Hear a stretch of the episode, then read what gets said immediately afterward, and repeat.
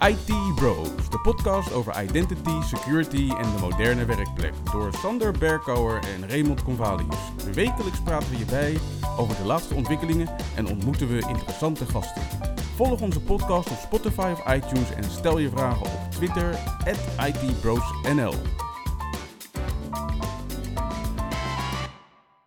Ik ben Raymond Convalius. En mijn naam is Sander Berkouwer.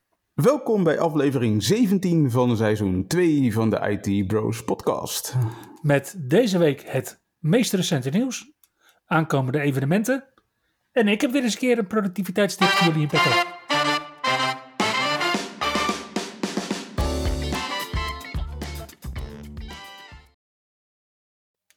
Laten we maar gelijk met de deur in huis vallen voor de up-to-date beheerders die wat tijd over hebben, die om zich heen kunnen kijken wat gebeurt er, wat komt eraan. Want dat zijn de beheerders die tijd hebben om deze week bijvoorbeeld naar de preview updates te kijken voor Windows 10, Windows Server 2019 en Windows Server 2022. Op 21 april werd deze update namelijk al voor Windows Server 2019 uitgebracht. En op 25 april voor Windows 10 en Windows Server 2022. En als ik zeg Windows 10, dan bedoel ik specifiek 20H2, 21H1 en 21H2. Mhm. En dan denk je, 20 dat is ook al lang geleden. Dit is de één na laatste officiële update voor dat besturingssysteem. Tijd om te upgraden. Ja, Microsoft heeft volgens mij eh, de poorten wijd open gezet voor iedereen om nu inderdaad eh, naar nieuwere versies te gaan. Dus ik denk dat we die upgrades ook wel gaan zien de komende weken. Nou, en als je deze preview update installeert, en ja, ik blijf het dan maar herhalen, denk ik. Dit zijn de improvements die je ook ziet, tenzij er problemen zijn, in de monthly community update, dus de Patch Tuesday Mhm. update. En dit zijn alle verbeteringen. En wat we bijvoorbeeld zien is dat ze de timeout hebben veranderd voor de Azure Active Directory registratie. Die is van 60 minuten naar 90 minuten gegaan in Hybrid Azure Joint Autopilot scenario's. Mhm. Dat zorgt ervoor dat je waarschijnlijk minder tegen foutmeldingen aanloopt. Want ja, het kan nog wel eens langer duren dan 60 minuten in een autopilot scenario. Mhm. Stel dat het een mooie verbetering is. Er was ook een issue in vorige versies waardoor je een verlopen wachtwoord niet meer kon wijzigen.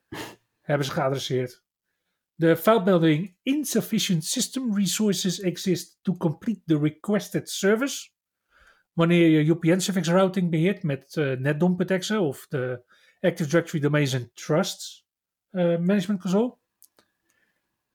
Ja, die hebben ze geadresseerd, maar die foutmelding die ontstond nadat de januari 2022 update op domain controllers was geïnstalleerd. Oké. Hmm. Ja, Palo Alto heeft daar ook een dingetje, hoor ik deze week. maar goed, zo niet heel veel IT-pro's zullen dat gebruiken, denk ik. En, well, ja, ja, misschien ook wel, hè? Weet ik niet, maar uh, vertel.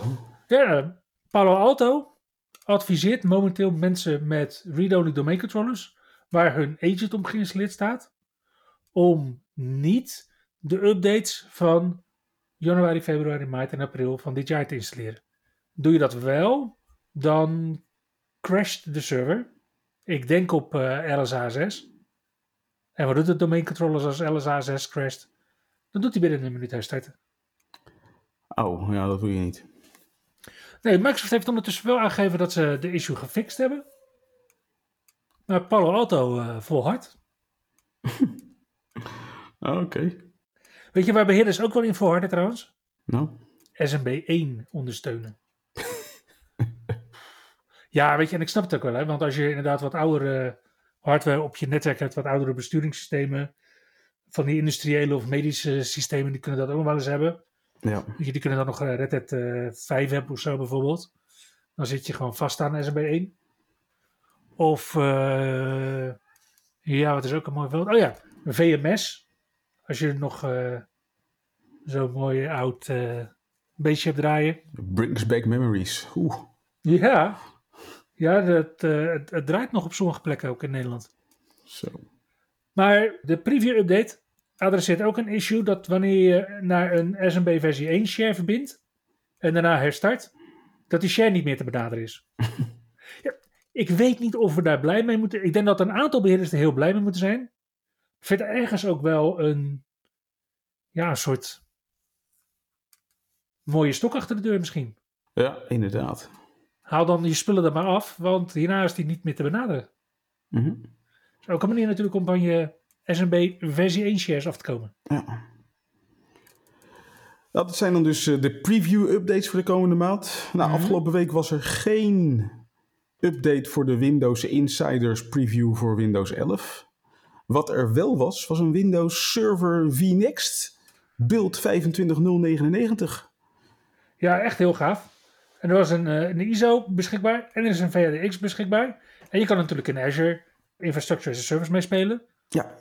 Dag en nacht, zolang je wil. Maar er waren een aantal dingen die me opvielen. Mhm. Ten eerste is dat de branding er nog niet is. Dus het staat niet eh, keurig netjes als je het installeert eh, dat het al VNext is. Is nog steeds allemaal 2022. Mhm. Zit je dan met je goede gedrag? en hoewel Microsoft heeft aangegeven, heeft toegezegd dat ze een changelog zouden bieden bij elke Windows Server Insider versie, Mhm. is het changelog voor deze versie toch wel heel sumier. Namelijk, generatie 2 virtual machines met dit besturingssysteem kunnen nu ook opstarten. Ja, het is duidelijk nog een eh, aller, aller, allereerste preview build van de volgende versie van Windows Server. Ja, maar toch, de, het, het versienummer zou best wel wat kunnen vertellen. Want als je kijkt naar Windows Server 2022, dat is beeld eh, 20348. Mhm. Dat is 2509, is wel echt helemaal out there. Ja. Want de nieuwe versie van Windows 11, 22H2 is, Ja, 22598 zitten we is de laatste versie. Ja, Ja. dus die 25099 is wel echt een hele versie vooruit. ja, nou ja, misschien dat als dan eh, de nieuwe versies van Windows 11 gaan hobbelen, van de Insider Preview, dat daar ook eh, beweging gaat komen in Windows Server vNext. Mijn inschatting is dat we daar gewoon even moeten, op moeten wachten. Ja, want Microsoft heeft wel aangegeven dat ze weer naar drie jaarlijkse releases willen van Windows Server. Ja, Oké, dan gaat het nog even duren voordat we deze vNext gaan zien van Windows Server. Ja, ja, en we hadden het er vorige week nog over, over die eh, Exchange Cumulative Quarterly Update. Mhm. Dat worden dus ook halfjaarlijkse updates, hè? Ja, inderdaad. Blijkbaar ging het ook iets te rap met de updates, voor, ook voor de Microsoft en wellicht ook voor de klanten van Microsoft. Dus ze zeggen vanaf nu gaan we dat niet meer doen eens per kwartaal, maar eens per half jaar met richtdata in maart en september. Ja, en, daarmee valt inderdaad die december eruit. Dat is sowieso een rare maand om te patchen natuurlijk. Mhm. Maar die was er vorig jaar ook al uit. Dus je hebt er nu eigenlijk twee gehad die weer quarterly waren. En dan heb je nu alweer heel snel één. En dan pas een half jaar. Ja, vanaf september kunnen we dus eh, de update ver- verwachten voor eh, Exchange Server 2019. Mhm. En voor Exchange Server 2013 en 2016 is het nog even niet helemaal duidelijk. Die zijn inmiddels in eh, extended support, geloof ik. Ja. En daarvan heeft Microsoft nog niet aangekondigd wanneer daar de updates van gaan komen. Oké. Ja, je ziet het bij, bij meer organisaties nu dat ze best wel agressieve tijdlijnen voor nieuwe versies toch weer wat gaan laten vieren. Ja, bedrijven hebben gewoon moeite, moeite om te volgen. En ze hebben het al druk genoeg met patchen en zorgen dat ze vulnerabilities op tijd wegpoetsen en zo. En dan ook nog constant nieuwe features introduceren. Ik kan me voorstellen dat je daar niet altijd op zit te wachten. Nee. Wat dat betreft heeft eh, Michael Niehaus ook wel mooi ingespeeld op eh, alle nieuwe features die er in Windows 11 worden geïntroduceerd. En zo heeft hij zich bijvoorbeeld gebogen over de built-in apps in Windows 11. Door eens een keer uit te zoeken hoeveel storage is er eigenlijk gemoeid met het installeren van al die built-in apps van Windows 11. Nou, hij heeft daar eh, wat eh, PowerShell scripts op losgelaten en komt uiteindelijk terecht op grofweg een 1,6 gigabyte aan built-in applicaties. En dan vervolgens moet je jezelf de vraag stellen: is dat veel of is dat niet veel? En het antwoord op die vraag eh, is denk ik: it depends. Ja. Hangt er vanaf waar je naar kijkt. Ik bedoel, ik hoor daar inderdaad hele verschillende reacties op. De ene zegt van nou, dat valt best mee, want ik heb een schijf van minimaal 256 gig. Dus die 1,6 gig aan built-in apps, dat is niet zo spannend. De andere zegt van ja, hoe groot is die Windows installatie? Nou, volgens mij is dat tegenwoordig een gig of 5, 6 ergens. Ja. En dan is 1,6 gig is toch al gauw een kwart van je Windows-installatie. ja, maar je moet natuurlijk ook niet vergeten dat de calculator en een notepad en zo, dat zijn nu ook ingebouwde apps Klopt, geworden. inderdaad. Gewoon zodat daar een ander release schedule aan kan worden gehangen. Ja, en die wil je natuurlijk wel houden. Nou, het script waarmee Michael dat heeft uitgevogeld is te downloaden vanaf zijn website Out of Office Hours, oftewel oofhours.com. En daar heeft hij ook gelijk nog wat andere onderzoekjes eh, verricht. Onder andere hoe je van Teams Consumer afkomt. Want die eh, blijkt gewoon eh, 90 megabyte eh, in beslag te nemen. En daar zitten heel veel bedrijven niet echt op te wachten. Ja, dat is alleen voor de Home en Pro versies geldt dat. Hè? In Enterprise had Michael Niehaus ook gezien dat die Teams Consumer versie er niet in zit. Nee, maar het moment dat je de chat-icon gebruikt, wordt die alsnog gedownload en geïnstalleerd. En dat wil je misschien wel voorkomen. En dat kan je doen door een group policy of een MDM policy eh, los te laten, waarmee je de chat-icon een soort van uitschakelt in Windows 11. Dus je moet er wel iets voor doen om ervoor te zorgen dat die er niet per ongeluk naar de hand alsnog opkomt. Ja, Daarnaast heb je nog zo'n feature in Windows 11 die niet iedereen wil hebben. De widgets. En daarvan heeft Michael uitgevogeld dat je die kan uninstallen door gebruik te maken van de Microsoft Windows Client Web Experience Package. oké. Die je met PowerShell vrij makkelijk kan uninstallen. Maar je kan hem ook disablen als je hem niet wil uninstallen. En dat kan je doen met een group policy of met je MDM policy. Nice. Goed om te zien dat dat soort nieuwe features toch inderdaad ook gelijk ook weer met group policy en mobile device management worden ondersteund. Ja. Nou, vervolgens blijkt er een geruchtenmachine aan de gang te zijn wat betreft eh, Microsoft Edge. Namelijk dat Edge VPN-features gaat krijgen van Cloudflare. Ja, ik vind dat misschien wel het raarste nieuwtje van deze week. Want ik zag het op. Het, het komt bij Neowin vandaan. Mhm, En ik zag het door iedereen worden overgenomen. Door, door tweakers, door ga ze maar door. mhm. En het is op basis van een pagina van Microsoft waarin ze de feature beschrijven. Maar de pagina waarop Microsoft die feature beschrijft, kent helemaal geen versienummer.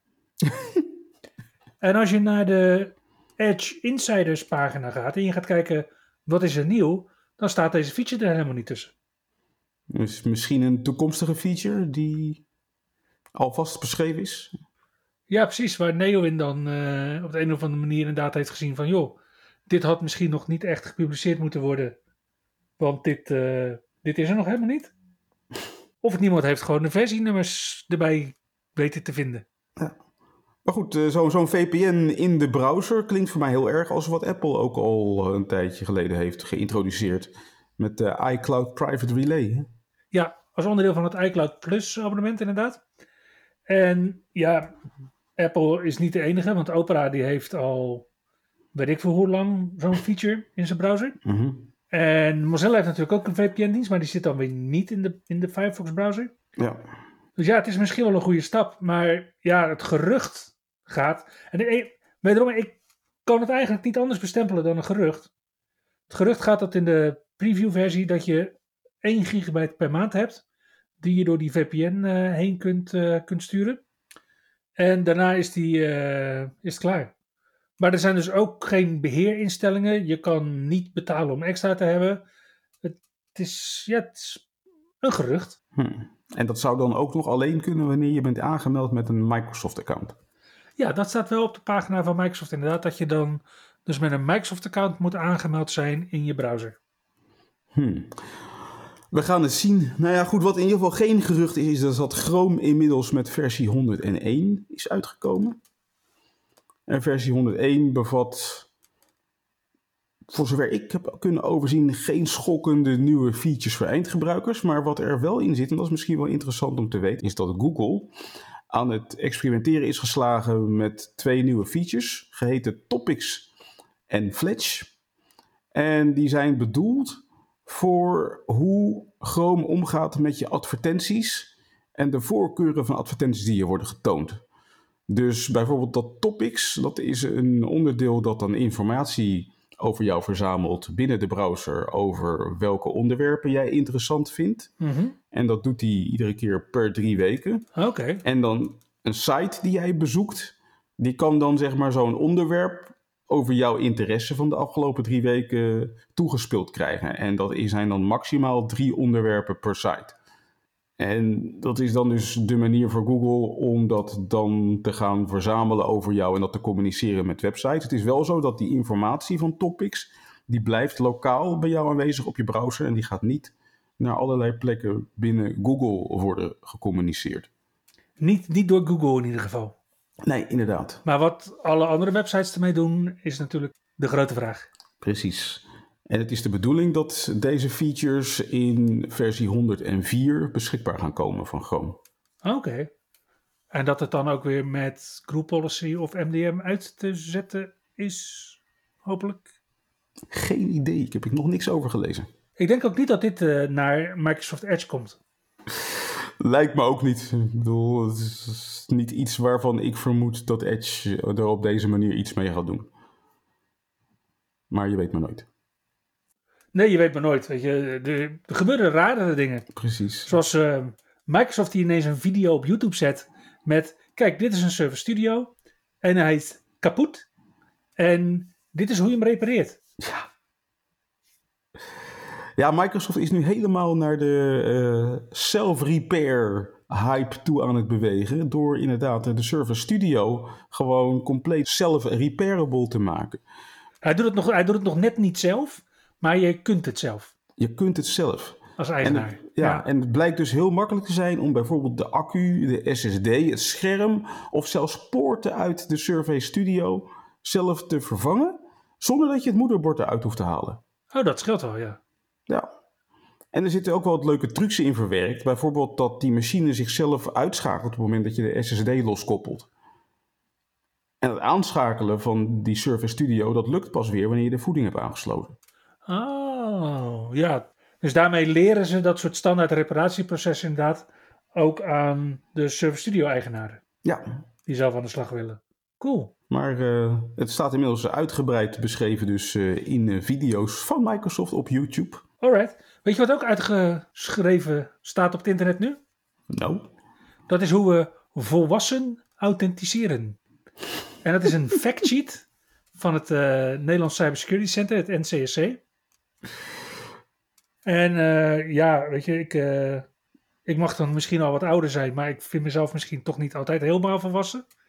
Maar volwassen authenticeren klinkt, ik vind het in ieder geval goed klinken. Nou, ik zit er aan te denken hoe je dat in het Engels moet vertalen.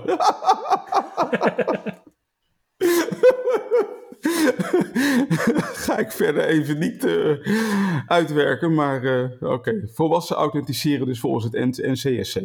En de strekking van volwassen authenticeren is dus gebruik maken van multifactor authenticatie, biometrie en dan multifactor authenticatie, ofwel met software tokens of met hardware tokens. In ieder geval gebruik maken van wat ze ook noemen phishing-resistente authenticatie. Ja, en dit is dus de eerste keer dat ik in het Nederlands dus ook lees, eindelijk, over die phishing-resistente authenticatie. Want dat is waar we als industrie, denk ik, naartoe moeten. Mm En als je dan kijkt naar de soundbites in, in zo'n factsheet, want ja, het blijft een overheidsuitgave, dus het blijft vrij droog van stof. Mm -hmm. Maar als we dan kijken naar de typische soundbites, dan is het dat aanmelden met wachtwoord is de meest onveilige vorm van authenticatie. Ja. Oké, okay, en waar, waar, zien we dat dan? Dat is normaal gangbaar voor ontwikkelaars. Het, uh, it works on my device, it works in my tenant. Dat ja. soort uh, jongens en meisjes. Mm -hmm. Maar wat er ook in staat, is dat niet elke vorm van multifactor authentication is even veilig. Ja. Dat zegt de NIST natuurlijk ook al tijden. Mm -hmm. Want die zegt ook van ja, als je met wat gevoelige dingen bezig bent, doe dan in ieder geval niet meer sms of telefoongesprek gebruiken. Daar doet de NCSC nu ook e-mail aan toevoegen. Mm -hmm. Dat is qua two-factor authentication niet heel hard. Nee. En inderdaad, als je dan gaat kijken naar phishing-resistente authenticatie, dus dan heb je het over bijvoorbeeld uh, de Authenticator app. Dan heb je het bijvoorbeeld over een, uh, een FIDO2 beveiligingssleutel. Dat is typische phishing-resistente authenticatie. En dat is allemaal op basis van WebPath N. Ja. Als je het trouwens hebt over die Authenticator, heb ik onlangs wel voorbij zien komen dat Microsoft al heel ver schijnt te zijn met een iOS-versie van de Authenticator-app. Waarmee je straks op meerdere accounts paswoordless kan inloggen.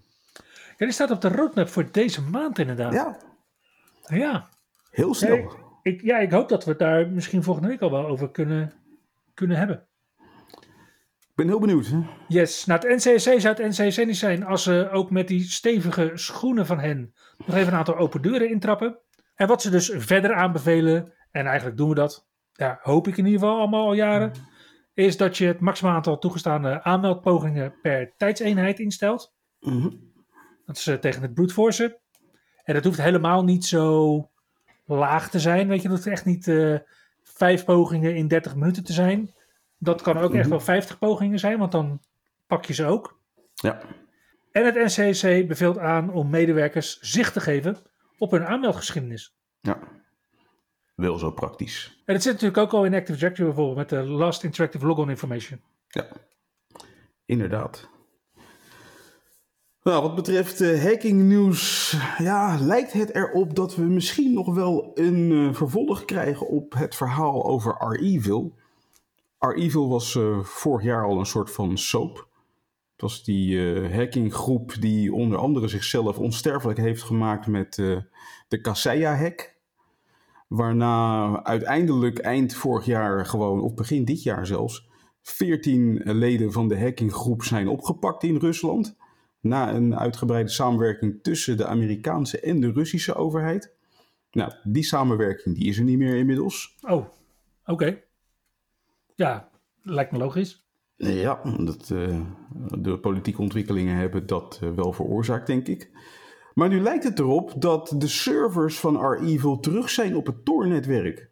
In ieder geval, er is een, eh, ja, een redirect aanwezig die verwijst naar de ja, ransomware as a service servers van R-Evil. Mhm. Daar staan nu ook twee nieuwe slachtoffers op, waaronder Oil India. En het is niet helemaal duidelijk of deze servers die nu opnieuw zijn opgedoken, of dat nou een scam is, of een honeypot.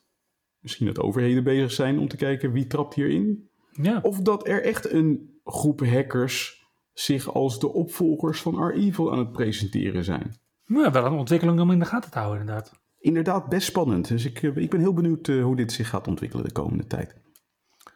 Wat we ook voor jullie in de gaten houden is hoe het gaat met kwetsbaarheden die we aan jullie melden en dan aangeven samen met NCC bijvoorbeeld of samen met Visa of samen met, gaan ze maar door, dat soort organisaties van beste vrienden, ik zou hem snel updaten. Mhm. En een paar weken geleden hadden we het al over een bug eigenlijk in VMware Workspace ONE Access. Dat heette vroeger VMware Identity Manager. Dat was die CVE 2022-22954 met CVSS-score 9.8 op de welbekende Mhm. schaal van 10. En tja, die wordt nu in het wild misbruikt. Ja. Ja, dat is wel een, eh, een tricky. Want de, de- de- deze vulnerability die kon dus misbruikt worden zonder dat je eh, root access nodig hebt op, eh, op het device. En eh, ja, maakt het vervolgens mogelijk om het systeem volledig over te nemen. En dat eh, doen de hackers dus inmiddels. Dus als je gebruik maakt van VMware Workspace ONE Access, zorg ervoor dat je de laatste patches hebt geïnstalleerd. Ja, of neem in je bedrijfsmodel mee dat je, dat zijn in ieder geval de laatste geruchten, ook desktops beheert voor mensen in Iran.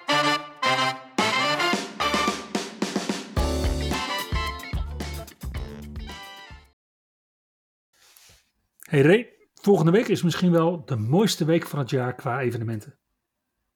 Hoezo dat? Ja, ik weet niet eigenlijk of we een Ignite krijgen nog dit jaar. Dat zou dan natuurlijk sowieso de mooiste week zijn van het jaar. Zo, wat hoop ik dat ik weer een keer naar Amerika mag afreizen voor de Ignite, Ja, weer fijn spreken. bijvoorbeeld. Of eh, inderdaad eh, wat anders leuks doen.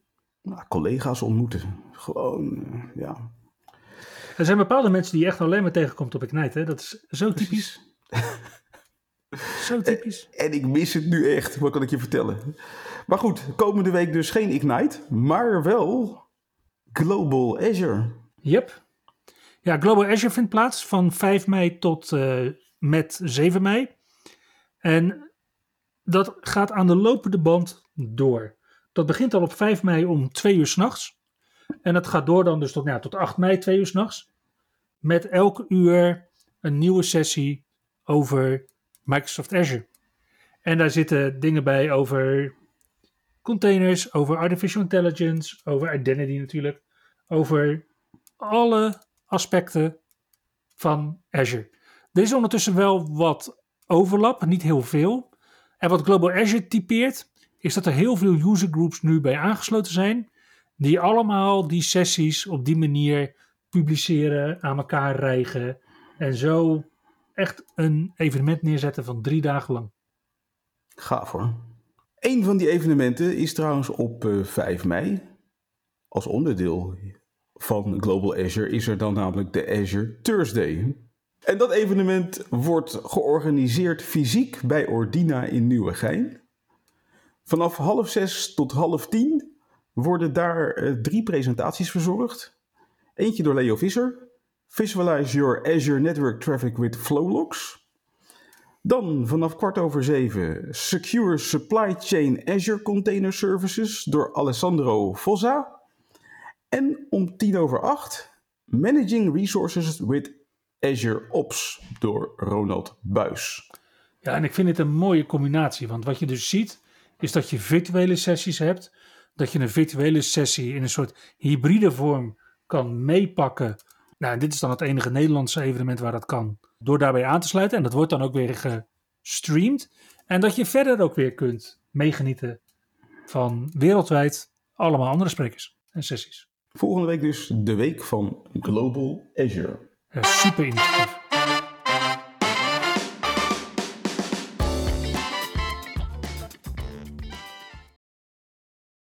Hey Sander, deze week is de productiviteitstip van jou.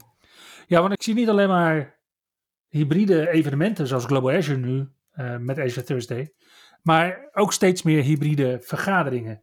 Mhm. En Microsoft heeft al een tijdje geleden in Outlook een wijziging aangebracht. Dat hebben ze al een tijdje geleden gedaan en het is vooral heel nuttig voor iedereen die virtueel een meeting bijwoont. Want ja, weet je, als ik tegen jou zeg zes uur virtuele meetings staat gelijk aan acht uur fysieke meetings. Mhm. Dan denk ik dat je me ook wel gelijk geeft. Het kan gewoon heel inspannend zijn. Klopt. En ja, iedereen heeft gewoon behoefte aan bio-breaks. En ook dat is gewoon met virtuele meetings, als ze achter elkaar worden gepland, af en toe gewoon tricky. Mhm. Dus heeft Microsoft al een tijd geleden in Outlook een feature bedacht. Die kan je, is gewoon een vinkje, kan je aanzetten. En dat vinkje, dat heet in de Engelstalige Outlook, heet dat Shorten Appointments and Meetings. En die kan je configureren als uh, End Early of Start Late. Mhm. En de standaard instellingen bij bijvoorbeeld End Early zijn vijf minuten. Eerder eindigen bij meetings die uh, korter duren dan een uur. Mhm. En 10 minuten voor sessies die een uur of langer duren. Nice. En wat je dan dus krijgt zijn meetings die je dus inschiet tussen bijvoorbeeld 3 en 4. Die gaan dan dus van 3 tot 10 voor 4 of tot 5 voor 4 bijvoorbeeld. Um, zodat je die bio-breaks, maar ook natuurlijk nu met hybride, met het aansluiten, met het aanmelden op je, op je Surface Hub, op al dat soort dingen, dat je daar inderdaad gewoon even de tijd voor hebt. Ja. Ja, je ziet dat Microsoft daar heel mooi op inspeelt. Ik, ik bedoel, ze hebben natuurlijk al een tijdje dat tijdens de meeting dat er wordt aangegeven van let op, je hebt nog 10 minuten voor het geplande einde van deze meeting. Ja. En wat ik laatst ook voorbij zag komen is dat ze in Outlook, ik weet niet of het er al is, de optie hebben dat je kan zeggen van ja, ik ben aanwezig bij deze meeting en dat je kan aangeven of je fysiek of virtueel aanwezig gaat zijn bij de meeting. Hmm, nee, die feature heb ik nog niet gezien. Ik heb hem in ieder geval aangekondigd zien worden. Ik weet niet of die nu in Outlook in de web alleen nog zitten of dat die gaat komen binnenkort. Maar het is in ieder geval iets waar Microsoft druk mee bezig is om dat binnenkort te gaan introduceren. Daarmee komen we aan het einde van aflevering 17 van seizoen 2 van de IT Bros podcast. Dankjewel voor het luisteren en tot de volgende keer. Tot de volgende keer. Je luisterde naar IT Bros, de wekelijkse podcast over identity, security en de moderne werkplek. Abonneer je op Spotify, iTunes of Google Podcast